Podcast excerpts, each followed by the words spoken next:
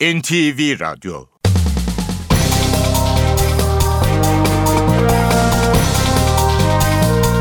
İşe Giderken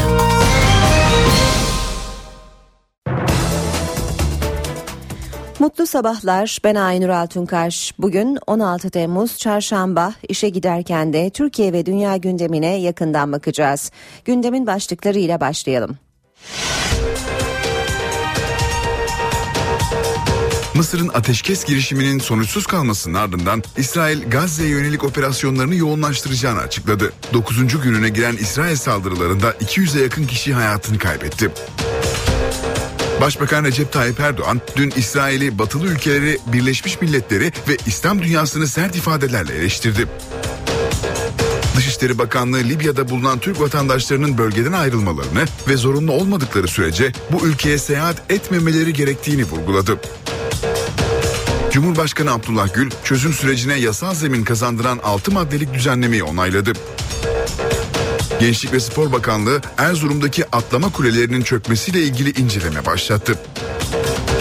Muş'taki uyuşturucu operasyonunda 39 kişi tutuklandı. Zonguldak'ta gece etkili olan şiddetli yağmur ve fırtına hayatı felç etti. İşe Giderken gazetelerin gündemi.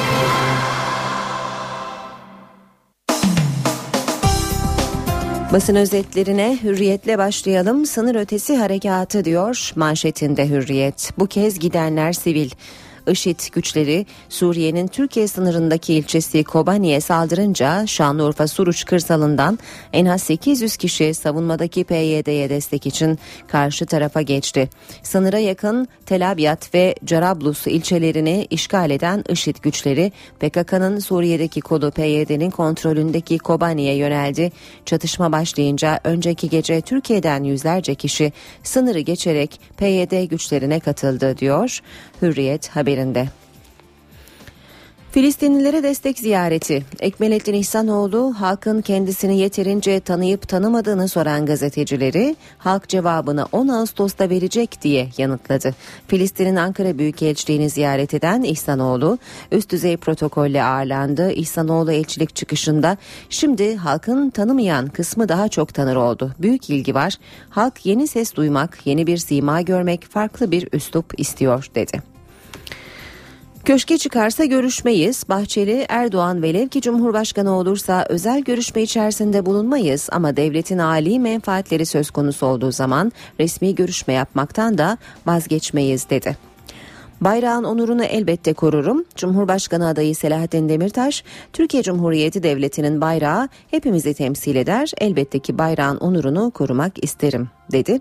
İstanbul'da seçim bildirgesini açıklayan Selahattin Demirtaş'a eşi Başak Demirtaş eşlik etti. Ben de tıpış tıpış gideceğim. Kılıçdaroğlu Erdoğan'ın seçmenine tıpış tıpış sandığa gideceksiniz diyen kişi utanmadan bize diktatör yakıştırması yapıyor sözlerine. Herkesin düşünüp sandığa gitmesi gerekiyor. Ben de tıpış tıpış gidip oyumu kullanacağım karşılığını verdi. Senden iyi diktatör yok. Erdoğan Kılıçdaroğlu'na yüklendi. CHP Genel Müdürü masaya yumruğunu vurarak kaba bir şekilde seçmenine talimat veriyor. Seçmenine tıpış tıpış sandığa gideceksiniz diyen kişi utanmadan bize diktatör yakıştırması yapıyor. Bir diktatör aranıyorsa senden daha güzeli olamaz dedi. Hürriyetten aktaralım yine hazineye tarih kuşu. Milli Piyango özelleştirme ihalesini 2 milyar 755 milyon dolara Net Şans Hitay ortaklığı kazandı. 2009'da hiç teklif gelmeyen ihalede muhammed bedel 1,6 milyar dolardı. Milliyetle devam edelim. Manşet Buzul'da Cesur Türk. Erkan Gürsoy tek başına açıldığı Kuzey Buz Denizi'nde sürüklendi. Tekneyi bırakmadı. Kutup ayılarını boş bidonlara vurarak kaçırdı. 1995'te tekneyle dünyanın etrafını dolaşan 7. Türk unvanını alan 67 yaşındaki Erkan Gürsoy'un yeni hedefi Kuzey Buz Denizi geçişini tamamlayıp Atlas Okyanusu'na buradan da Türkiye'ye ulaşmaktı. Kanada'nın güneybatısındaki Nanaimo'dan yola çıkan Gürsoy Alaska kıyılarında dev bir buz kütlesi tarafından sürüklendi. Bu tehlikeli yaşam mücadelesi 8 gün sürdü diyor Milliyet haberinde. Devam ediyoruz. Ey Amerika hani iki devlet? Başbakan Erdoğan Gazze'ye saldırmaya devam eden İsrail'i terör devleti olmakla suçladı. Amerika'ya da tepki gösteren Erdoğan, "Ey Amerika sen bize hep iki devlet dedin. İsrail dedin, Filistin dedin. Uygulamaya gelince maalesef." diye konuştu. Ölü sayısının 194'e ulaştığı Gazze'de Mısır'ın girişimiyle doğan ateşkes umudu gün içinde suya düştü. Milliyetten aktarmaya devam edelim. Faciadan gezi çıktı. Soma faciasını araştıran Meclis Komisyonu 3 ayrı ülkede inceleme için Meclis Başkanlığına başvurdu. 17 üyeden sadece CHP'li Özgür Özel şerh koydu. Meclis Başkanı Çiçek de maliyete dikkat çekti. Ancak dün genel kuruldan komisyona vize çıktı. Geziler Amerika ve Avustralya olmak üzere ikiye indirildi. Kılıçdaroğlu ise 4 CHP'li üyeye gezilere katılmayın talimatı verdi. Star e, Sabah gazetesiyle devam edelim. Susanlar bu zulmün ortağı. Erdoğan dünyaya seslendi. Cumhurbaşkanı adayı Başbakan Erdoğan grupta konuştu. İsrail'in Gazze'deki katliamına niçin sessiz kalıyorsunuz? Küresel adalet ve küresel vicdan can çekişiyor dedi. Erdoğan iftarda buluştuğu büyükelçilere de seslendi. Gazze'deki zulmün bir numaralı sorumlusu Birleşmiş Milletler'dir. Ben hep soruyorum Birleşmiş Milletler sen ne işe yararsın? Devam edelim yine Sabah gazetesinden aktarmaya. Sezonun ilk derbisi Arena'da. Süper Lig'de 29 Ağustos'ta başlayacak 2014-2015 sezonunun kura çekimi dün yapıldı. Ligin ilk derbisinde 6. haftada Galatasaray ile Fenerbahçe Türk Telekom Arena'da kozlarını paylaşacak. İkinci hafta Trabzonspor Fenerbahçe, 6. hafta Galatasaray Fenerbahçe, 8. hafta Beşiktaş Fenerbahçe, 10. hafta Galatasaray Trabzonspor, 12. hafta Beşiktaş Trabzonspor Trabzonspor ve 16. hafta Beşiktaş Galatasaray şeklinde oluştu fikstür. Habertürk'le devam ediyoruz.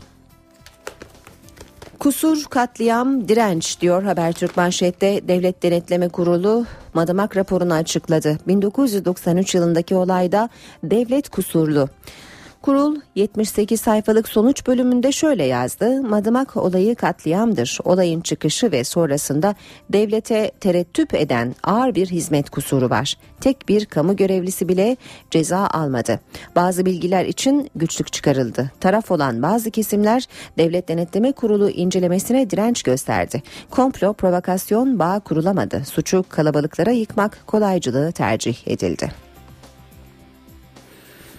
Birlikte dans eden Türkiye, Demirtaş seçim bildirgesini açıkladı. Çankaya adayı Selahattin Demirtaş iddialı. Türkiye Cumhuriyeti Devleti'nin bayrağı hepimizi temsil eder, onun onurunu korumak isterim. Adaylığımla Türkiye'ye yeni bir yaşam öneriyorum. Özgürlük ay ışığında birlikte danssa, yeni bir yaşam için birlikte dans edelim. Türkiye. Habertürk'ten e, aktarmaya devam edelim. Kulelerin atlama pistinde toprak kayması 60 milyon lira çöktü. Erzurum'da 2011 üniversiteler arası kış olimpiyatları için yaptırılan atlama kulelerinin atlama pistlerinin bulunduğu alanda heyelan oldu. Heyelanı önceden fark eden milli takım antrenmanı iptal etti. Faciadan dönüldü. Geçelim Cumhuriyet gazetesine. Bir ateş de Devlet Denetleme Kurulu'ndan Madımak insanlık suçu diyemedi skandallara imza attı. Cumhurbaşkanlığı Devlet Denetleme Kurulu tarafından Sivas katliamına ilişkin hazırlanan raporda devletin ağır hizmet kusuru olduğu saptaması yapıldı. Yargılananlar dışında başka sorumlular da olduğu belirtildi. Ancak Aziz Nesin'in konuşmaları ve Pir Sultan Abdal heyeti heykeli milliyetçi ve dini duyguları güçlü insanları etkiledi şeklinde sayısız ithamda bulunuldu. Yerel basının kışkırtmaları için tespit edilememiştir diyen Devlet Denetleme Kurulu, otelin içinde mahsur kalan ve yakılan insanların mevzi kaybetmemek ve irticaya geçit vermemek için ısrarla otelde kaldığını iddia etti. Rapora tepki gösteren davanın avukatı Şenal Sarıhan, insanlık suçu denilmemiş, örgüt bağlantısı ortaya konulamamış dedi. Yeni Şafak gazetesi var sırada. Seçim öncesi kaşıyorlar diyor Yeni Şafak manşette. Çatıada İhsanoğlu'nun Suriyelilere kapımızı açmamalıydık sözünden sonra provokatör medya harekete geçti. Gaziantep, Kahramanmaraş ve Adana'da Suriyelilere saldırılar başladı. Gelişmeler Cumhurbaşkanlığı seçimini etkilemeye yönelik çirkin bir oyun olarak değerlendirildi diyor Yeni Şafak haberinde. Sisi için vuruyor. Gazze'ye günlerdir havadan ve karadan ölüm yağdıran İsrail darbeci Sisi'nin sözde arabuluculuk çabalarına alkış tutmaya başladı demiş Yeni Şafak gazetesi. Yargıçlara paralel baskı adım adım kadrolarını kurdular. Yargıçlara sicil affı paralel yapılanmanın 2010 referandumundan sonra kadrolaşmak için izlediği taktikleri yeniden gündeme getirdi. Örgüt kadrolaşmak için hedef aldığı hakim ve savcıları soruşturmalarla yıldırmaya çalıştı. Cezalar ve soruşturmalar bir yılda 4 kat arttı diyor Yeni Şafak. Ve zamanla bitirelim basın özetlerini. Olimpik çöküş manşeti var. Erzurum'da 3 yıl önce 67 milyon liraya inşa edilen atlama kuleleri yıkıldı diyor Zaman Gazetesi haberinde.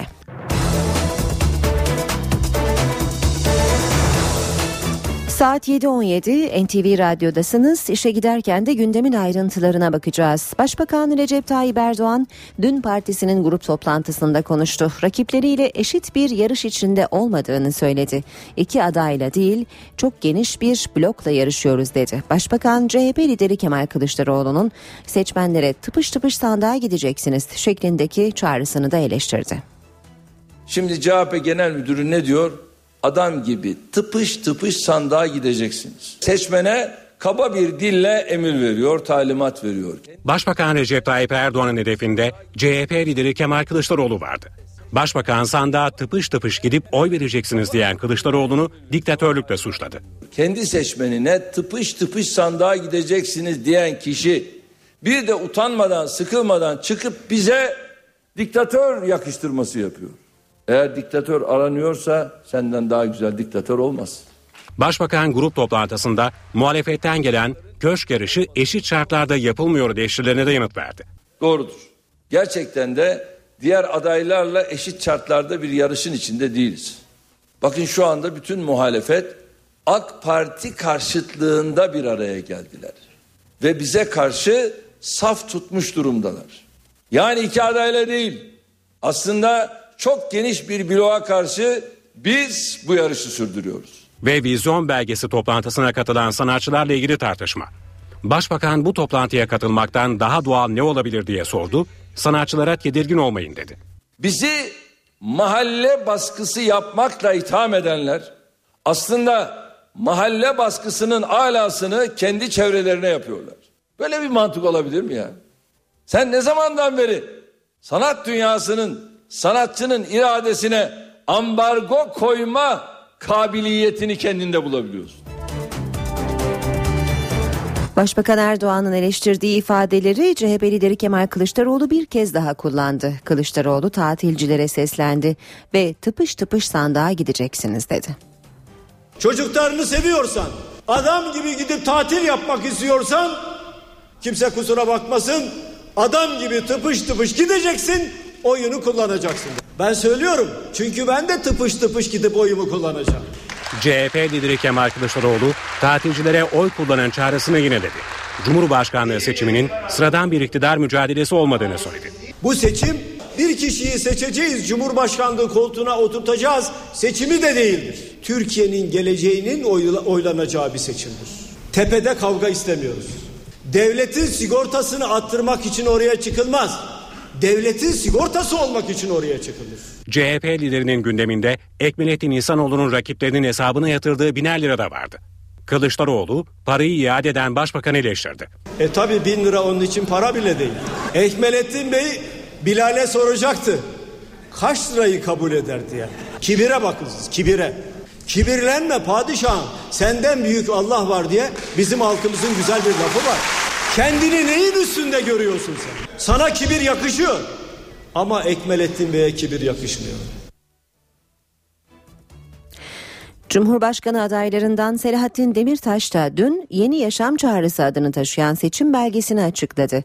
Gazeteciler, sanatçılar ve sivil toplum örgütlerinden temsilcilerin de katıldığı toplantıda Demirtaş siyasi esprileriyle dikkat çekti. Hedefinde Başbakan Erdoğan vardı. Ben Cumhurbaşkanı Sayın Recep Tayyip Erdoğan Başbakan olursa Allah ona yardım etsin. Demokrasiye alışacak. Çoğulculuğa alışacak. Farklı seslere alışacak. Öyle toplantılarda kalk gidiyoruz diyemeyecek. Selahattin Demirtaş Cumhurbaşkanı seçilirse başbakanla nasıl çalışacağını bu sözlerle anlattı. HDP'nin Cumhurbaşkanı adayı Demirtaş, demokratik değişim, barışlı Türkiye sloganıyla yeni yaşam programını tanıttı. Devlet denetleme değil, halk denetleme kurulu olacak. Devletin kutsandığı, halkların, dillerin, inançların ve kültürlerin yok sayıldığı bu anayasanın topyekün değiştirilmesi artık ertelenemez bir zorunluluktur. Demirtaş, Türkiye- vicdani redden çevre sorunlarına, ana dilde ibadetten LGBT haklarına kadar pek çok konuda programını anlattı. Seçim sloganı ile ilgili bir soruya da kendi uslubuyla yanıt verdi. Bağlamadan başka bir şey çalmıyor. Bu slogan size mi ait? Fikri siz mi verdiniz? Sadece bağlama değil ama halkın umutlarını çalmıyorum. Halkın parasını çalmıyorum. HDP adayına paralel yapı sorusu da yöneltildi. AKP'nin buna paralel demesi abesle iştigaldir. Çünkü evrenin herhangi bir yerinde kesişen iki çizgiye paralel denmez. Demirtaş isim vermedi ama Türk bayrağına yönelik hakaretin başka siyasi gruplardan geldiğini söyledi. Türkiye Cumhuriyeti bayrağının layık olduğu şekilde e, bütün toplumun temsil edeceği onurunu elbette ki korumak isterim. Bayrağa dair yanlış, eksik algıları da düzeltmek için uğraşırım. Biliyorsunuz bu bayrak birçok suçu ve günahı örtmek için de kullanıldı. Ve katılımcılar. Gazeteci Ranting'in eşi Raquel Dink, Berkin Elvan'ın ailesi salondaydı. Demirtaş, Raquel Dink'in yanında oturdu. Bu salonda bugün acısı meydanlarda yuhalatılmış bir anayı burada müsaadenizle alkışlatmak istiyorum. Berkin Elvan'ın annesini alkışlatmak istiyorum. Kültür ve Turizm Bakanı Ömer Çelik Cumhurbaşkanlığı seçimiyle ilgili konuştu. Bu ülkeyi eskiden olduğu gibi güç odakları değil sokaktaki vatandaş yönetecek dedi. Gördüğünüz gibi yerel seçimler bir istikrar içerisinde geçti. Bu süreci de inşallah güven ve istikrar içerisinde geçireceğiz. Ülkenin her tarafında vatandaşlarımız özgür bir iradelerini ortaya koyacaklar. En önemlisi şudur. Ülkenin sahibi millettir. Ülkenin sahibi sokaktaki vatandaştır. Bu ülkeyi eskiden olduğu gibi bir takım güç odakları yönetmeyecek. Sokaktaki vatandaş yönetecek.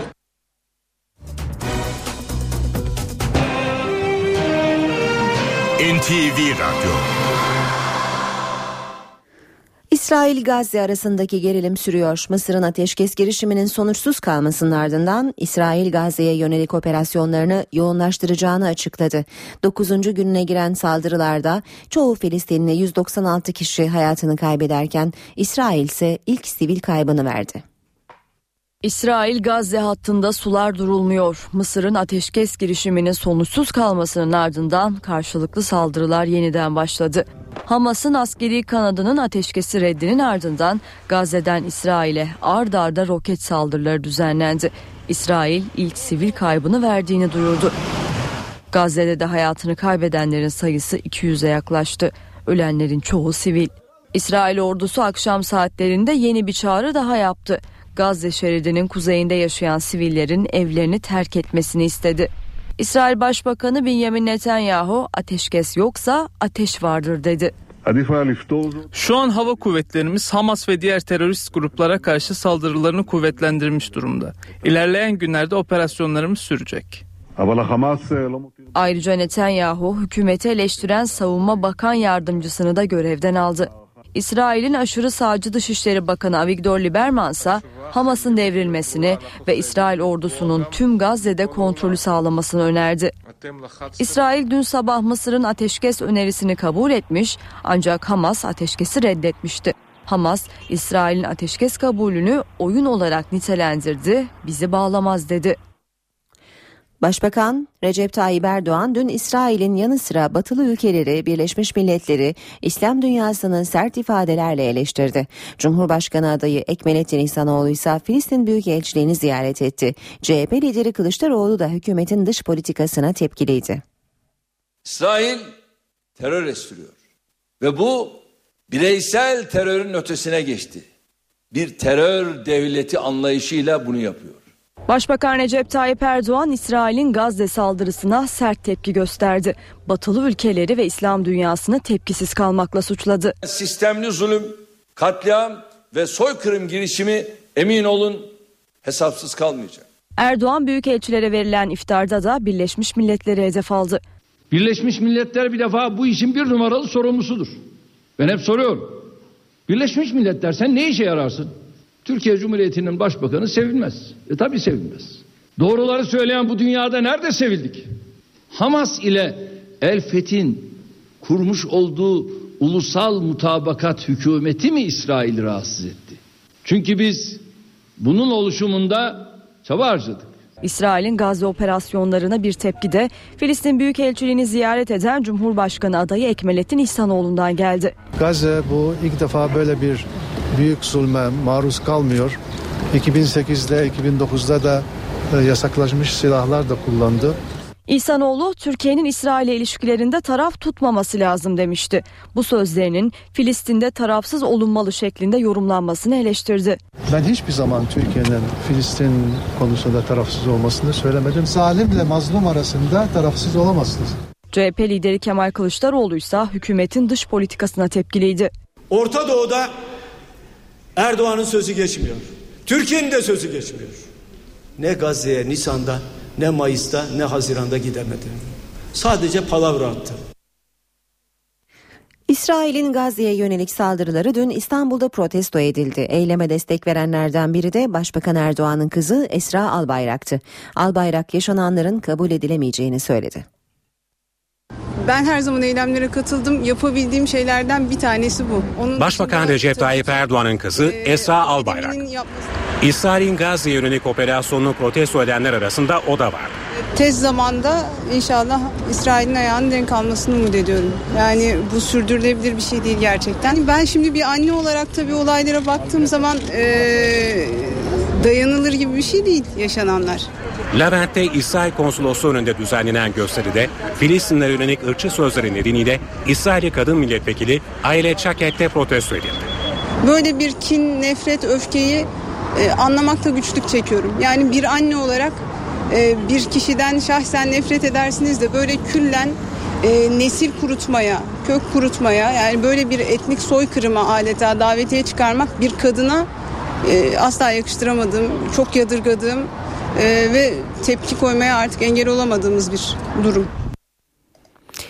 Diyarbakır'da da bir grup Amerikan konsolosluğu tarafından kurulan iftar çadırına saldırdı. Masa ve sandalyeler tahrip edildi. Amerikan bayrağı yakıldı. Olayda biri ağır 6 kişi yaralandı. Amerikan konsolosluğunun Diyarbakır'da kurduğu iftar çadırı tahrip edildi. İsrail'in Gazze'ye yönelik saldırılarını protesto eden sivil toplum örgütü üyeleri Amerika'nın Adana konsolosluğu tarafından kurulan iftar çadırının önünde toplandı. Kalabalık burada bir süre eylem yaptı. Gruptan bazı göstericiler yemekten önce çadırdaki masa ve sandalyeleri dağıttı, Amerikan bayrağı yaktı. Polisin müdahalesiyle dağılan grup tekrar bir araya geldi ve kendilerine tepki gösteren esnafla kavga etti.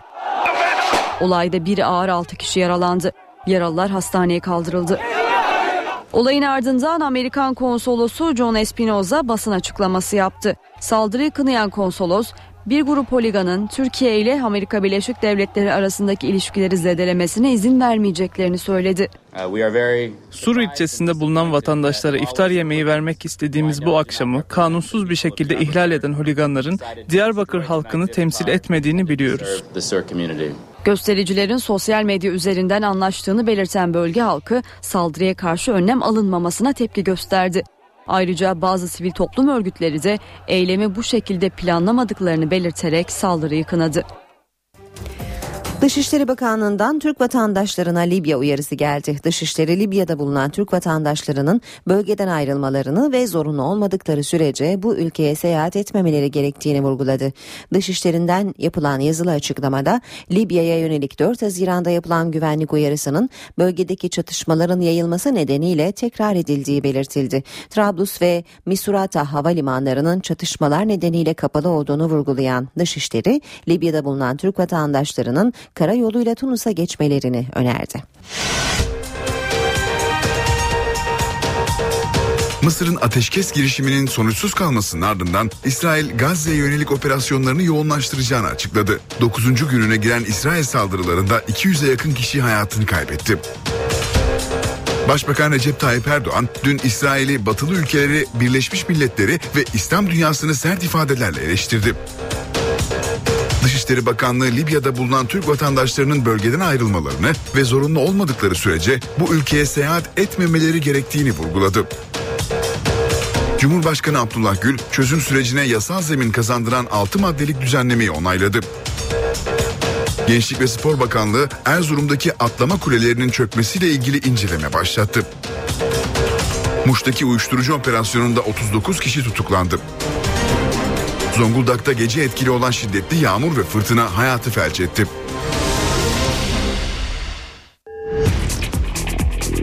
Spor haberleri başlıyor.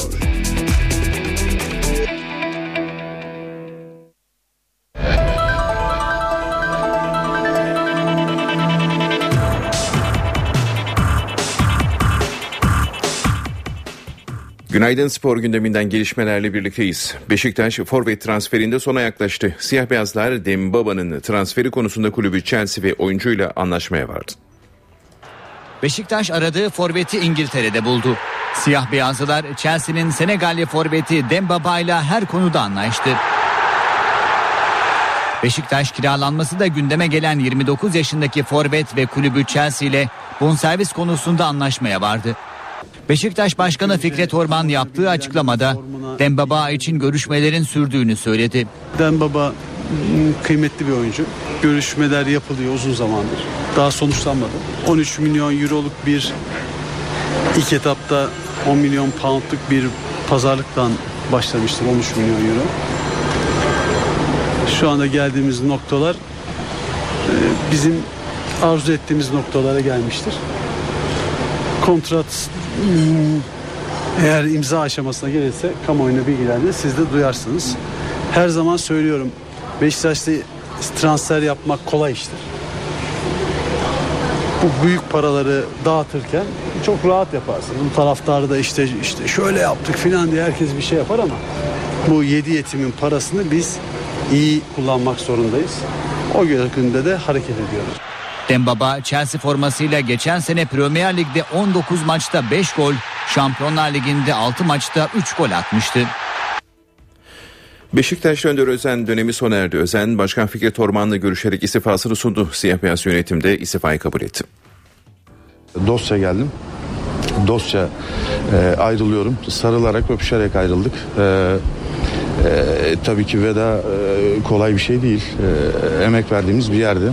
E, iyi ilişkiler içinde olduğum insanlar vardı. E, onlarla ayrılmak o kadar kolay değil ama e, neticede son derece olgun e, bize yakışır bir görüşmeyle ve görevimi sonlandırmış olduk. E, bir talebim olup olmadığını bana sordular. E, talebim olmadığını söyledim. İleriye yönelik e, alacaklarımla alakalı bir talebim e, olup olmadığı soruldu. O, e, bir talebim olmadığını söyledim. E, teklif ettiler. Onu e, kabul edemeyeceğimi söyledim. Beşiktaş'ın ve bütün Beşiktaş profesyonellerinin de yolu açık olsun. Hepsine iştenlikle başarılar diliyorum. Eğer e, bu takım önümüzdeki sezon iyi şeyler yapacaksa e, iftiharla seyredeceğim, gururla seyredeceğim. E, umarım bu gururu yaşarız. E, tekrar altını çizerek söylüyorum başkanım ve yöneticilerimizle e, dostça ayrıldık.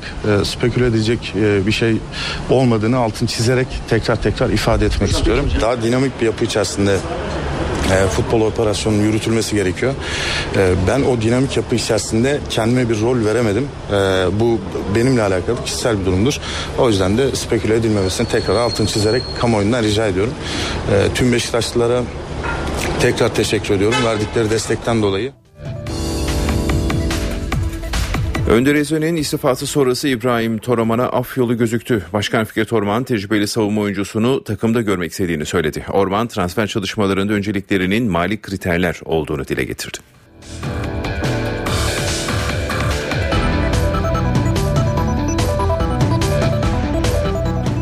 Beşiktaş Başkanı Fikret Orman Önder Özen'le yaptığı görüşme sonrası basın mensuplarına yaptığı açıklamada transfer çalışmaları ile ilgili de bilgi verdi. Orman kadro dışı bulunan İbrahim Toraman için af sinyali verirken Sezer Öztürk'ü kiralayabileceklerini söyledi. Kaptan İbrahim'in takıma dönmesini çok istiyorum.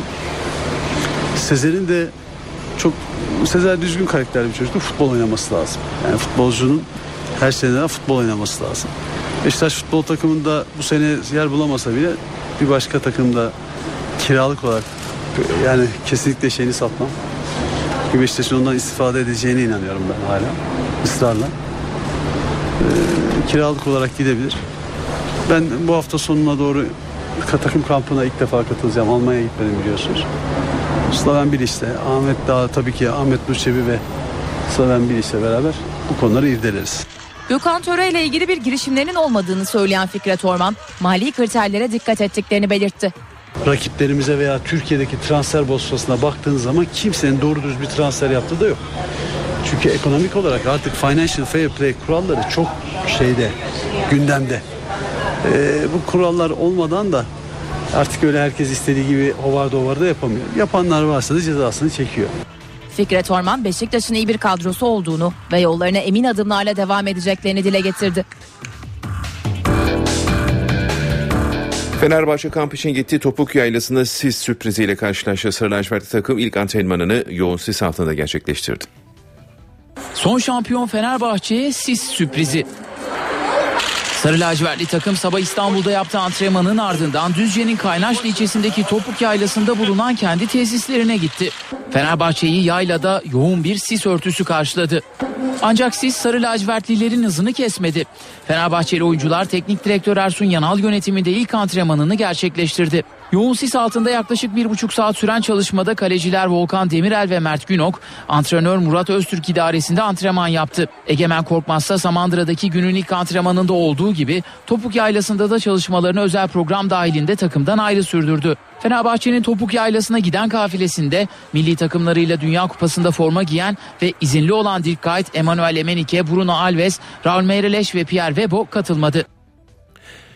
Galatasaray yeni sezon hazırlıklarını Avusturya'da sürdürüyor. Sarı Kırmızılı takım antrenmanda iki sakatlık yaşadı. Çift antrenman yapan Galatasaray'da Yekta Kurtuluş ve Semih Kaya sakatlık geçirdi. İki oyuncu da antrenmanı yarıda bıraktı. Ancak Semih ve Yekta'nın durumlarının iyi olduğu açıklandı. Teknik direktör Cesare Prandelli İtalya milli takımında uyguladığı buz havuz sistemini Galatasaray'da da denemeye başladı. Takıma taktik antrenman yaptıran Prandelli bu çalışmayı basına kapattı. Çift kale maçta yeni transfer Olcan Adı ve sakatlıktan çıkan Buruma attıkları gollerle alkış aldı. Prandelli as oyunculardan oluşturduğu yeşil takımı 4-2-3-1 dizilişiyle sahaya çıkardı. İtalyan teknik adam özellikle hızlı hücum varyasyonları üzerinde durdu. Süper Lig'de yeni sezonun fikstürü dün çekildi. İlk büyük maç ikinci haftada Trabzonspor'la Fenerbahçe arasında. Spor Toto Süper Lig'de 2014-2015 sezonu fikstürü İstanbul'da düzenlenen törenle çekildi. Futbol Federasyonu 1. Başkan Vekili Servet Yardımcı, yönetim kurulu üyeleriyle Süper Lig kulüplerinin temsilcilerinin katıldığı fikstür çekiminde ilk hafta programı şu şekilde oluştu.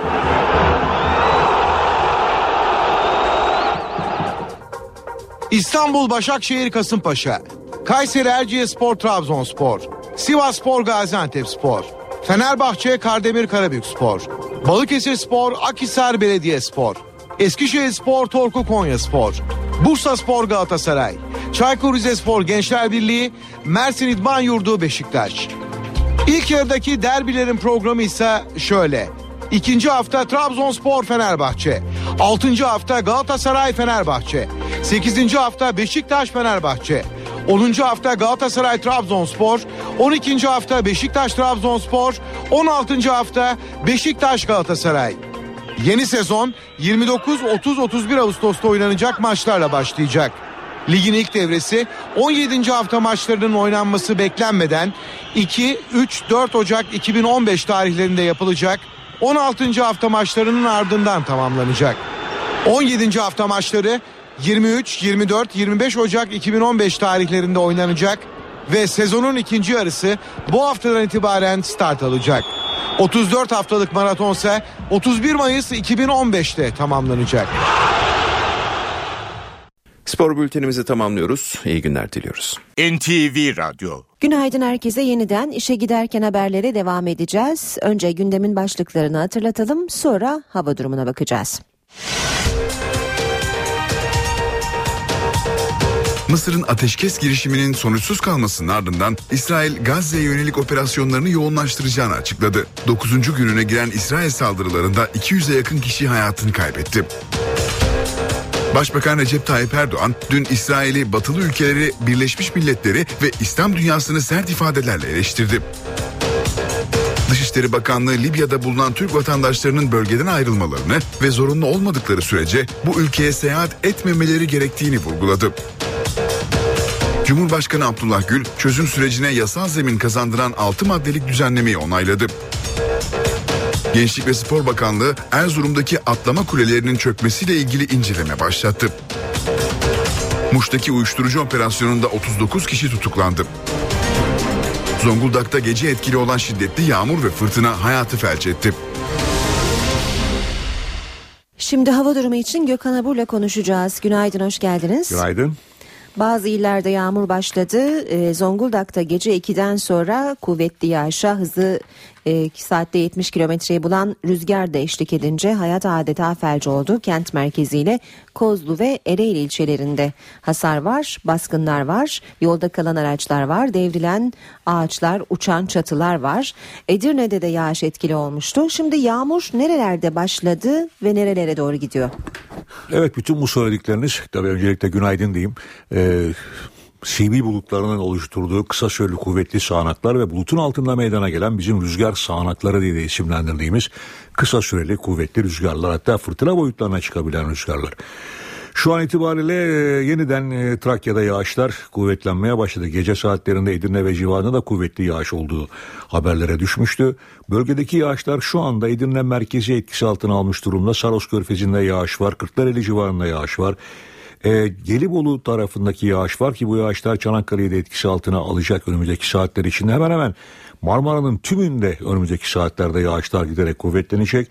İstanbul'da çok bulutlu bir hava var fakat İstanbul'un doğu ilçelerinde özellikle Tuzla Pendik arasındaki bölgede kuvvetlenen yağışlar e, biraz daha biraz daha o Karadeniz'deki kuvvetli bulutlardan dolayı işte Anadolu yakasını etkisi altına almaya başladı ki bu yağışlar giderek kuvvetlenecek. Aynı şekilde iç kesimlerde Kütahya ve civarında yağış var.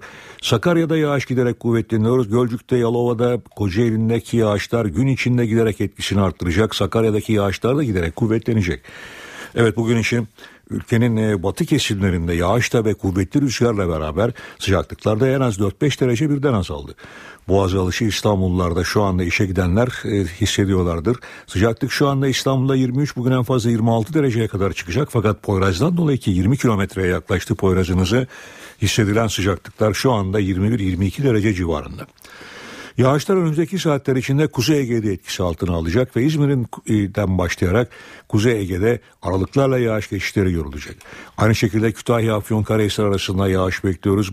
Batı Karadeniz bölgemizde Zonguldak Bolu arasındaki yağışlar yine gün içinde aralıklara devam edecek.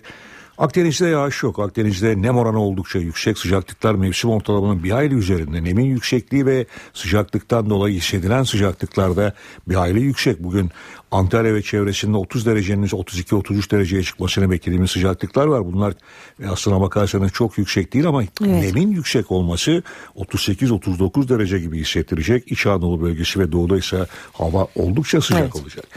Evet bizlere bekleyen koşullar böyle. İstanbullular henüz evden çıkmadılarsa tedbirli olsunlar. Mutlaka şemsiye alsınlar diyeceğim çünkü hakikaten aralıklarla da olsa kuvvetli yağış geçişleri. Gün boyunca devam edecek mi? Evet yer yer yapacak. Yani bulutun e, etkisi altına girdiğiniz yerde e, şemsiyeye ihtiyaç duyacaksınız. Şemsiye duyacaksınız mutlaka bir, bir kapalı bir yere sığının çünkü bu tip bulutlar çok aşırı elektrik yüklü oldukları için e, yer yer yıldırım düşmelerine sebep olabiliyorlar. Kuvvetli yağış bırakabiliyorlar. Dolu yağdırabiliyorlar.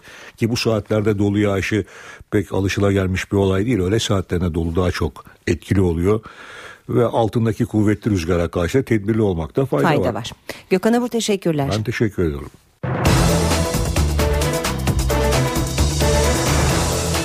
Gündemin ayrıntılarına bakmaya devam edelim. Başbakan Tayyip Erdoğan dün partisinin grup toplantısında Cumhurbaşkanlığı seçimine yönelik konuştu. Rakipleriyle eşit bir yarış içinde olmadığını söyledi. İki adayla değil çok geniş bir blokla yarışıyoruz dedi. Başbakan CHP lideri Kılıçdaroğlu'nun seçmenlere tıpış tıpış sandığa gideceksiniz şeklindeki çağrısını da eleştirdi. Şimdi CHP Genel Müdürü ne diyor? Adam gibi tıpış tıpış sandığa gideceksiniz. Seçmene kaba bir dille emir veriyor, talimat veriyor. Başbakan Recep Tayyip Erdoğan'ın hedefinde CHP lideri Kemal Kılıçdaroğlu vardı. Başbakan sandığa tıpış tıpış gidip oy vereceksiniz diyen Kılıçdaroğlu'nu diktatörlükle suçladı. Kendi seçmenine tıpış tıpış sandığa gideceksiniz diyen kişi Bir de utanmadan, sıkılmadan çıkıp bize diktatör yakıştırması yapıyor. Eğer diktatör aranıyorsa senden daha güzel diktatör olmaz. Başbakan grup toplantısında muhalefetten gelen köşk yarışı eşit şartlarda yapılmıyor eleştirilerine de yanıt verdi. Doğrudur. Gerçekten de diğer adaylarla eşit şartlarda bir yarışın içinde değiliz. Bakın şu anda bütün muhalefet AK Parti karşıtlığında bir araya geldiler. Ve bize karşı saf tutmuş durumdalar. Yani iki adayla değil. Aslında çok geniş bir bloğa karşı biz bu yarışı sürdürüyoruz. Ve vizyon belgesi toplantısına katılan sanatçılarla ilgili tartışma. Başbakan bu toplantıya katılmaktan daha doğal ne olabilir diye sordu. Sanatçılara tedirgin olmayın dedi. Bizi mahalle baskısı yapmakla itham edenler aslında mahalle baskısının alasını kendi çevrelerine yapıyorlar. Böyle bir mantık olabilir mi ya? Sen ne zamandan beri sanat dünyasının, sanatçının iradesine ambargo koyma kabiliyetini kendinde bulabiliyorsun? Başbakan Erdoğan'ın eleştirdiği ifadeleri Kılıçdaroğlu bir kez daha kullandı, tatilcilere seslendi ve tıpış tıpış sandığa gideceksiniz dedi. Çocuklarını seviyorsan, adam gibi gidip tatil yapmak istiyorsan kimse kusura bakmasın. Adam gibi tıpış tıpış gideceksin, oyunu kullanacaksın. Ben söylüyorum çünkü ben de tıpış tıpış gidip oyumu kullanacağım.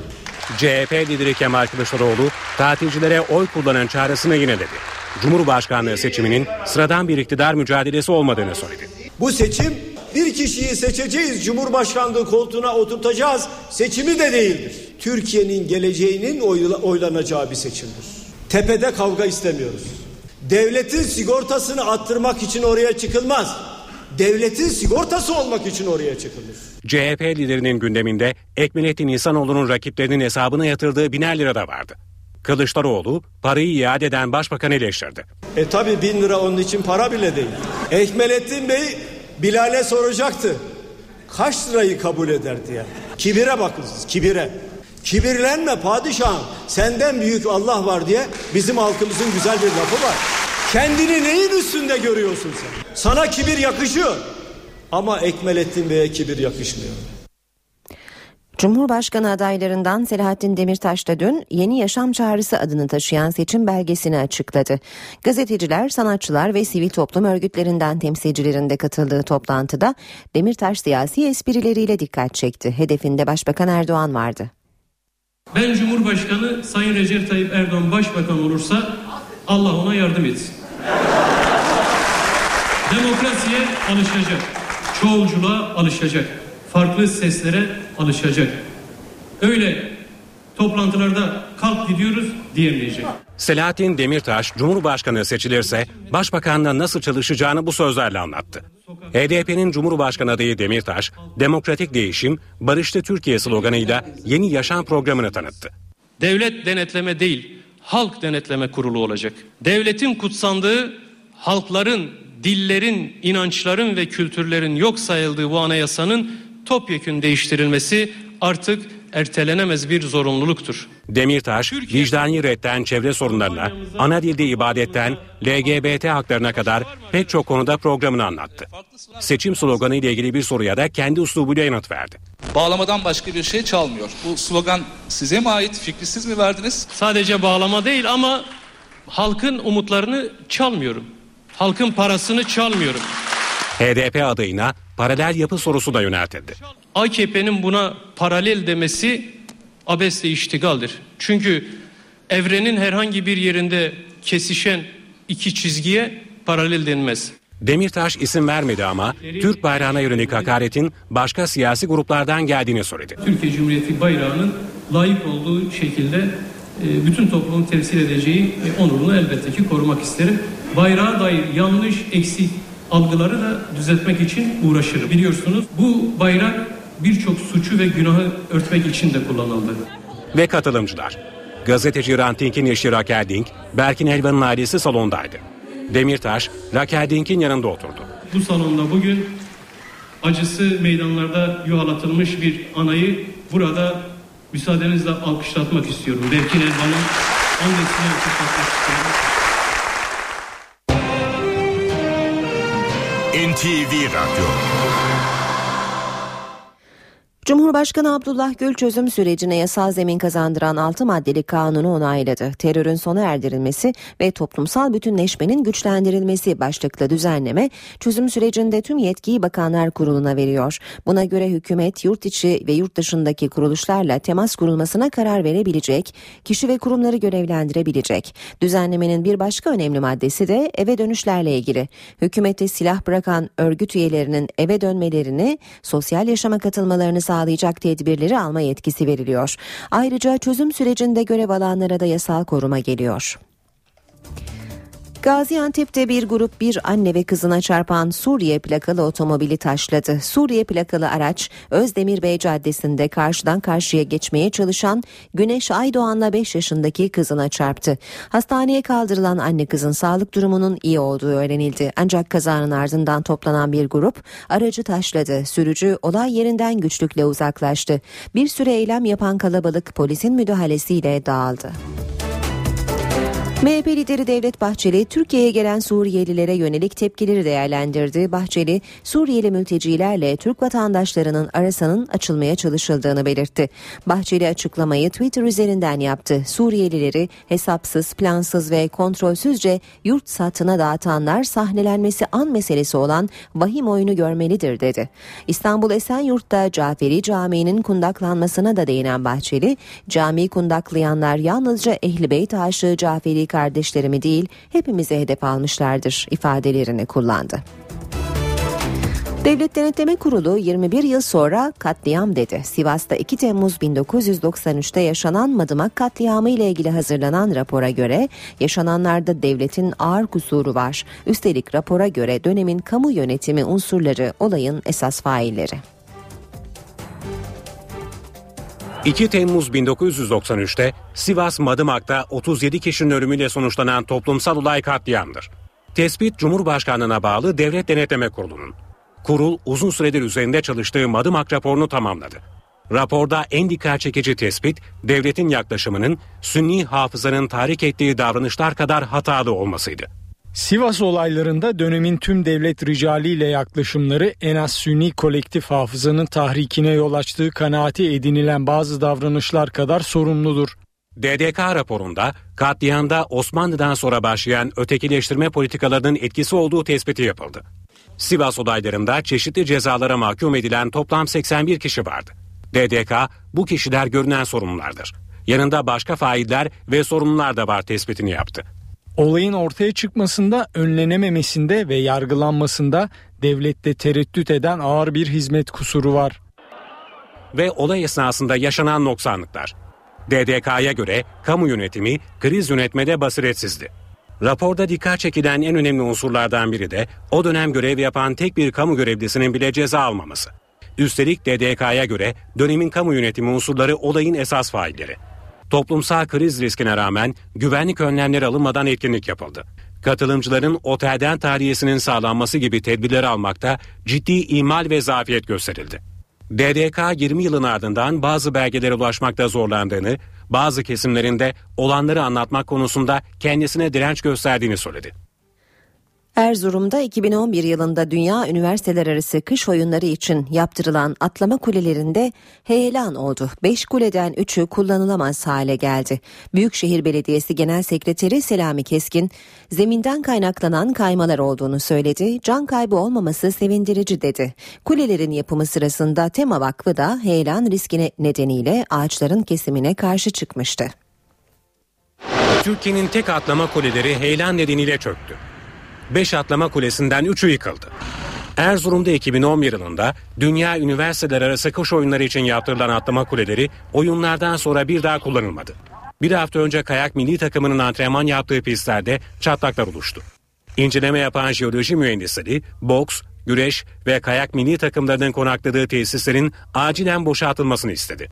Sanıyorum birkaç gündür ufak ufak kaymalar yaşanıyormuş zeminden kaynaklanan bir problemden dolayı. İncelemelerde zeminle ilgili olan problemlerin daha çok gündeme geleceğini düşünüyorum. Otel tahliye edildikten kısa süre sonra heyelan meydana geldi. Üç atlama kulesi yıkıldı. Hem Gençlik Spor İl Müdürlüğü hem Valilik e, bizden arkadaşları da bu konuda görevlendirdik. Güzel tarafı burada bir can kaybı oluşmaması. Olayla ilgili Türkiye Kayak Federasyonu Başkanı Erol Mehmet Yarar'dan açıklama geldi. Yarar, pistin tamiratı yeni yapılmıştı. Bir sorun yoktu. Son dönemde yoğun yağmur yağdığı ve bundan dolayı bazı hareketler olduğu söyleniyordu. Ama bu boyuta gideceği düşünülmemişti dedi. 65 milyon liraya mal olan atlama kulelerinin zemininde bir süredir kayma olduğu, jeoloji mühendislerinin bu yönde rapor hazırlamasına rağmen önlem alınmadığı öne sürüldü. Atlama kulelerinin yapımı sırasında Tema Vakfı da bölgede heyelan riski olduğuna dikkat çekerek ağaçların kesimine karşı çıkmıştı. Atlama kulelerinin çökmesiyle ilgili olarak Gençlik ve Spor Bakanlığı inceleme başlattı. 3 müfettişin yanı sıra aralarında jeoloji mühendisinin de yer aldığı 4 kişilik teknik bir ekip Erzurum'a sevk edildi. Muş'ta düzenlenen uyuşturucu operasyonunda 39 kişi tutuklandı. Emniyet ekipleri özellikle okul çevresi ve internet kafelerde gençleri uyuşturucu kullanımına teşvik eden kişilere dönük operasyon düzenledi. Yapılan 3 ayrı baskında gözaltına alınan 39 kişi de tutuklandı. Ayrıca 85 kilogram esrar ve bir miktar ekstasi hap ele geçirildi. İstanbul'da da sabahın ilk saatlerinde uyuşturucu tercihlerine yönelik operasyon gerçekleştirildi. Şişli Kuştepe Mahallesi ile Hürriyet Mahallesi'nde daha önceden belirlenen ev ve iş yerlerine baskın düzenleyen ekiplere havadan da helikopter destek verdi. Polisin baskın yaptığı adreslerde aramaları sürüyor. İstanbul Su ve Kanalizasyon İdaresi İSKİ su kokuyor şikayetleri üzerine suyun kullanılmasına engel bir duruma rastlanmadığını açıkladı. İSKİ'den yapılan açıklamada Ramazan ayı nedeniyle anlık su tüketiminde basınç düşüklüğü yaşandığı ancak gelen şikayetlerdeki iddiaların gerçeği yansıtmadığı belirtildi. Şikayetler üzerine bazı yerlerden numuneler alındığı, inceleme yapıldığı ancak olumsuz bir duruma rastlanmadığı vurgulandı. Saat 8.24 başkentin gündemiyle devam edeceğiz. Özellikle Cumhurbaşkanı adaylarının bugün vereceği mesajları da merakla bekliyoruz. Karşımızda Deniz Kilislioğlu var. Deniz günaydın seni dinliyoruz. Günaydın Aynur. Cumhurbaşkanlığı seçimi senin de söylediğin gibi çözüm süreci, İsrail'in Gazze saldırısı ve Irak'taki gelişmeler en sıcak başlıklarımız bunlar. Cumhurbaşkanı adaylarının da bu konularda mesajlar vermesini bekliyoruz. Erdoğan Sakarya'da Ekmelettin İhsanoğlu Antep'te Selahattin Demirtaş Kocaeli ve Bursa'da olacak. Ee, bir başka gündem maddesi Ankara'dan bir başka gündem maddesiyle devam edelim. AK Parti'de bir basın toplantısı var. AK Parti sözcüsü Hüseyin Çelik bugün az önce saydığımız başlıklara ilişkin gelişmeleri değerlendirecek. CHP'de Merkez Yönetim Kurulu toplantısı var. Kemal Kılıçdaroğlu başkanlığından toplanıyor. Tabii bu gündem maddeleri de yine MYK'nın gündeminde olacak. Köşkteki trafikle devam edelim. Cumhurbaşkanı Abdullah Gül bugün Genelkurmay Başkanı ve MİT Müsteşarı buluşacak. Başbakan Erdoğan'ın da Sakarya'ya gitmeden önce Genelkurmay Başkanı ile bir araya geleceğini söyleyelim. Tabii görüşmelerde başta Gazze saldırıları, e, Irak'taki gelişmeler, Musul'da alıkonulan 46 Türk Türkiye Cumhuriyeti vatandaşı ile ilgili durumunda değerlendirmesini bekliyoruz. Meclis gündemiyle bitirelim. 150 maddelik torba tasarının dün genel kurul mesaisi başlamıştı biliyorsunuz. Başta madencilik ve taşeron işçilik olmak üzere 45 ayrı kanunda köklü değişiklikler öngörüyor o tasarı. Görüşmeler gergin başlamıştı. Bugün de devam edecek. Akşam saatlerinde de meclis başkanının milletvekillerine vereceği iftar yemeği olacak Aynur. Deniz teşekkürler. Deniz Kilislioğlu başkent gündemini aktardı. Ee, biz ekonomi gündemiyle devam edeceğiz şimdi. Profesör Güngör Uras bu sabah Ayşe teyzeye kentlerde yaşayan insanların tasarruf eğilimlerini anlatacak. Ayşe teyze ne yapsın? Güngör Uras, Ayşe teyzeye ekonomide olan biteni anlatıyor. Merhaba sayın dinleyenler, merhaba Ayşe Hanım teyze, merhaba Ali Rıza Bey amca. Sabancı Üniversitesi ING Bank için her 3 ayda bir tasarruf araştırması yapıyor. 2014 yılının ilk 3 aylık döneminde yapılan araştırmanın bulgularına göre kentlerde yaşayan nüfusun sadece %15'i tasarruf sahibi. Nüfusun sadece %15'i tasarruf sahibi ama onlar da düzenli tasarruf yapamıyorlar. Bu %15'in sadece %67'si düzenli olarak tasarruf yapabilen insanlar. Çocuklu ailelerde tasarruf oranı çok düşük. Çocuğu olanlar daha az tasarruf edebiliyor. Çocuksuz aile üyelerinin %18'i birikim yapabilirken çocuğu olanlarda bu oran %14'e geriliyor. kentlerde yaşayanlardan tasarruf sahibi olanların oranı yıllar itibariyle dalgalanıyor. 2012'de yüzde onlar dolayındaydı. Sonra yüzde on beşlere kadar yükseldi. Bu olumlu bir gelişme. Kentlerde yaşayanlardan neden tasarrufları olmadığı sorulduğunda yüzde 53'ü tasarruf edecek ölçüde gelirim yok diyor. Yüzde 21'i borçluyum, borç ödüyorum diyor. Yüzde onu da kira ödemelerinin ağırlığından şikayet ediyor. Kentlerde yaşayanlar tasarruf yaparken öncelikle çocuklarının geleceğini düşündüklerini söylüyorlar. Tasarruf yapanların yüzde 34'ü tasarrufu çocukları için yapıyor. Yüzde 32'si yatırım olarak gelir beklentisiyle tasarruf yapıyor. Yüzde 11'i konut satın almak için tasarruf yapıyor. Kentlerde yaşayanlardan tasarruflarını nereye yatırdıkları sorulmuş. Kentlerde yaşayanların yüzde kırkı tasarruflarını bankalarda değerlendiriyor. Yastık altında döviz ve Türk lirası saklayanların oranı yüzde on dört. Bankalarda altın hesabım var diyenlerin oranı yüzde on dört olarak belirlenmiş. Bireysel emeklilik fonlarını tercih edenlerin oranı da oldukça yüksek.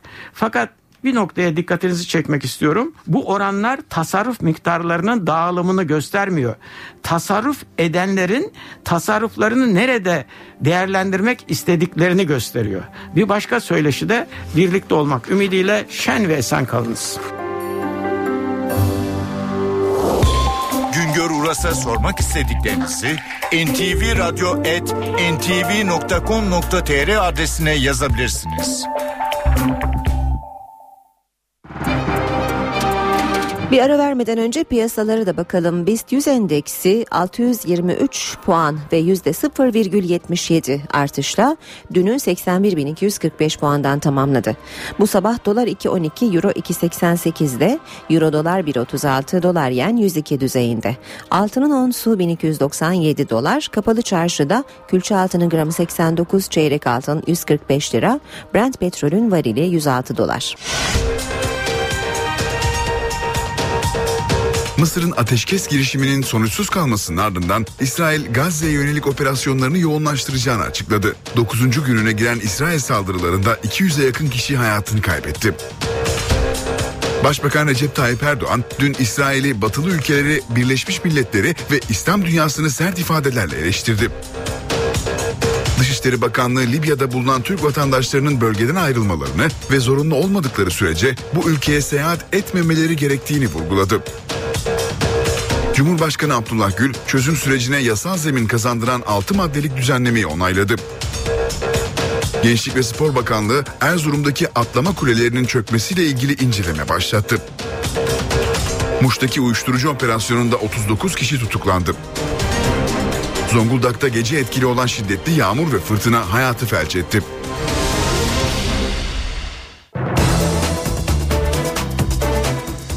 Diyanet İşleri Başkanlığı bir yıl önce başladığı Türkiye'de dini hayat araştırmasını tamamladı. 21.632 kişi üzerinde yapılan Diyanet araştırmasıyla mezhepten başörtüsü kullanımına, ibadetten reform talebine kadar Türkiye'nin inanç istatistikleri ortaya çıktı. Türkiye'nin %99,2'si Müslüman. Her 100 kişiden 61'i dini özgürce yaşamanın yolunun laiklikten geçtiğine inanıyor. Kadınlarda başörtüsü kullanımı %71. Sonuçlar Diyanet İşleri Başkanlığı'nın 21.632 kişiyle yaptığı araştırmadan. Araştırmada mezhep de soruldu. Katılımcıların %77,5'i Hanefi, %11,1'i Şafi, %0,1'i Hanbeli, binde 3'ü Maliki ve %1'i ise Caferi mezhebine mensup. Bu bölümde Aleviliğe dair herhangi bir veri yer almadı. Araştırmaya göre katılımcılarda ibadet etme oranı yüksek. Her 100 kişiden 45'i namaz kılıyor. Erkeklerin yarısından çoğu cuma namazını kaçırmıyor. Ankete katılanların 83,4'ü oruç tutuyor. Kur'an-ı Kerim'in Arapçasını okumayı bilenlerin oranı da %41,9. Araştırmaya katılanların tamamına yakını Allah'ın varlığından, Kur'an-ı Kerim'den ve ahiretten şüphe etmiyor. Bu konuda oranlar %96'yı aşıyor. Katılımcıların yarısına yakını dini bilgileri 6-10 yaş aralığında öğreniyor. Her 100 kişiden 19'u kendisini çok dindar olarak tanımlıyor. Melek, şeytan ve cine inananların oranı da %95,3. Katılımcılar arasında belirli bir sebep olmadan dua edenlerin oranı 92,5. %74,4 ibadet etmediğinde huzursuz oluyor. Başörtüsü kullanımı yaş ilerledikçe artarak %92'ye yükseliyor. 18 ila 24 yaş aralığında ise 55,5'e düşüyor. Katılımcıların yarısı dini grup ve cemaatlerin yararlı olduğu görüşünde. Helal ve haram şartlarının gözden geçirilmesini isteyenlerin oranı da %46. Soma'da 301 işçinin hayatını kaybettiği facianın ardından toplanan nakit yardım işçilerin ailelerine paylaştırılacak. Her bir aileye 154.450 lira verilecek. Başbakan ailelere konut yardımı yapanlara da teşekkür etti. Nakit yardım hesaplarında toplanan 46,5 milyon lirayı hayatını kaybeden 301 işçimizin ailelerine 154.450'şer lira olarak paylaştırıyoruz. Soma'da 301 işin hayatını kaybettiği facianın ardından yardım hesaplarında toplanan 46 milyon lira para işçilerin aileleriyle paylaştırılacak. 301 aileye 154.450'şer lira verilecek. Açıklama Başbakan Recep Tayyip Erdoğan'dan geldi. Başbakan ailelere iki de konut verileceğini söyledi. Yardım kampanyalarına katılanlara teşekkür etti. Konutlar Doğuş Holding tarafından bizzat inşa edilirken Gaziantep Sanayi Odası tarafından ise TOKİ vasıtasıyla yaptırılacak. 301 konut bağışlayan Doğuş Holding'e ayrıca ikinci bir 301 konutta Gaziantep Organize Sanayi Bölgesi Başkanlığı'na da huzurlarınızda şahsım milletim adına teşekkür ediyorum. Yalnızca konut ve para yardımı değil 389 çocuğa da eğitim bursu verilecek. Yeni doğan çocuklarımız da dahil 389 çocuğumuza eğitim hayatları boyunca Milli Eğitim Bakanlığımız koordinasyonunda vakıf ve derneklerimiz tarafından burs sağlanacak. Zonguldak'ta 30 madencinin yaşamını yitirdiği Grizü faciası ile ilgili davada savcı 7 sanık için 15 yıla kadar hapis cezası istedi. Karadon Maden Ocağı'nda 2010 yılında meydana gelen patlama ile ilgili davaya Zonguldak'ta devam edildi. 28 kişinin yargılandığı davanın duruşmasında mütalasını sunan savcı, Türkiye Taş Kömürü Kurumu ve taşeron firmanın kazada sorumlu ve kusurlu olduğuna dikkat çekti. Savcı, Ocak'ta iş güvenliğinin sağlanmadığı gerekçesiyle maden maden yöneticilerinin aralarında bulunduğu 7 sanık hakkında 15 yıla kadar hapis cezası istedi. Sanık avukatları savunma yapmak için ek süre istedi. Duruşma 31 Ekim'e ertelendi. İstanbul'da iki yıl önce bebek arabasıyla trene binmek isterken peronla tren arasına sıkışarak hayatını kaybeden Ebru Gültekin Ilıcalı davasında karar çıktı. Kondüktör Süleyman Uğur Özkoç bir yıl 11 ay 10 gün hapis cezasına çarptırıldı. Özkoç'un cezası ertelendi. İstanbul'da 11 Temmuz 2012'de meydana gelen olayda Ebru Gültekin Ilıcalı çocuklarıyla trene binmek istedi. Önce 3 yaşındaki oğlunu trene bindirdi. Ardından bebek arabasıyla trene binmek isterken kapılar kapandı, tren hareket etti. Bu sırada peronla tren arasındaki boşluğa düşen Ilıcalı hayatını kaybetti. Olay sonrasında trenin makinisti Abdullah Çiğdem ve kondüktör Süleyman Uğur Özkoç hakkında taksirle ölüme neden olmak suçundan 2 yıldan 6 yıla kadar hapis cezası istemiyle dava açıldı. Sanıklar tutuksuz yargılandı. Anadolu 30. Asya Ceza Mahkemesi'nde görülen karar duruşmasında son sözler soruldu. Ilıcalı'nın avukatı şikayetlerinin devam ettiğini söyledi, sanıkların cezalandırılmasını istedi. Sanıklardan makinist Abdullah Çiğdem beraat etti. Kondüktör Süleyman Uğur Özkoç bir yıl 11 ay 10 gün hapis cezasına çarptırıldı. Özkoç'un cezası da ertelendi. Mahkeme ayrıca Türkiye Cumhuriyeti Devlet Demiryolları yetkilileri hakkında Anadolu Cumhuriyet Başsavcılığına suç duyurusunda bulunulmasına hükmetti. Teröre çözüm süreciyle köye dönüşler hızlandı. Şırnak'tan terör nedeniyle Avrupa'ya göç eden 4 Asuri aile de 21 yıl sonra kesin dönüş kararı aldı. Evlerini yeniden inşa eden Asuriler temel ihtiyaçlarının giderilmesini istiyor. Ben Belçika'dan gelmişim. Köyümüze dönmek, e, dönmek, dönmek için, köyümüzü yaptırmak için gelmişiz.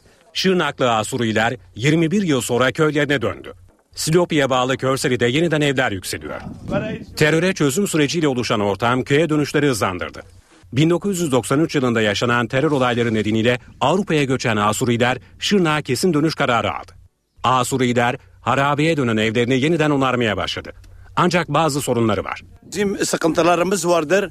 Bizim köyün suyu yoktur, yolu yoktur. Mesela de, destekleme e, de- devlet daha bize vermemiş. Elektrik e, yoktur mesela e, çalışma işlerimizi hiçbir yönde yapamıyoruz.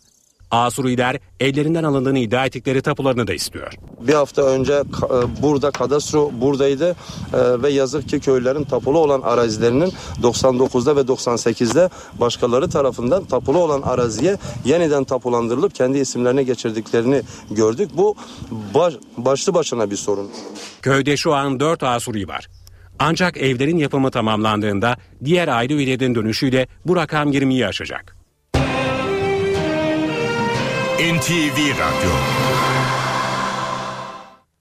Rusya'nın başkenti Moskova'da metro kazası oldu. İlk belirlemelere göre 22 kişi yaşamını yitirdi. Aralarında durumu ağır olanların da olduğu 160 kişi de yaralandı. Ölü sayısının artmasından endişe ediliyor. Dünyanın en karmaşık ağlarından birine sahip olan Moskova metrosunda kaza meydana geldi. 3 vagonun raydan çıktığı kazada can kayıpları oldu. Yüzden fazla da yaralı var. Sabah saatlerinde meydana gelen olayda metroda büyük panik yaşandı. Ambulanslar, itfaiye ve kurtarma ekipleri bölgeye akın etti. Yaralılardan bazıları kendi olanaklarıyla, bazıları da bölgeye gelen ekiplerce metro dışına çıkarıldı. Durumu ağır olanlar helikopterlerle hastanelere kaldırıldı.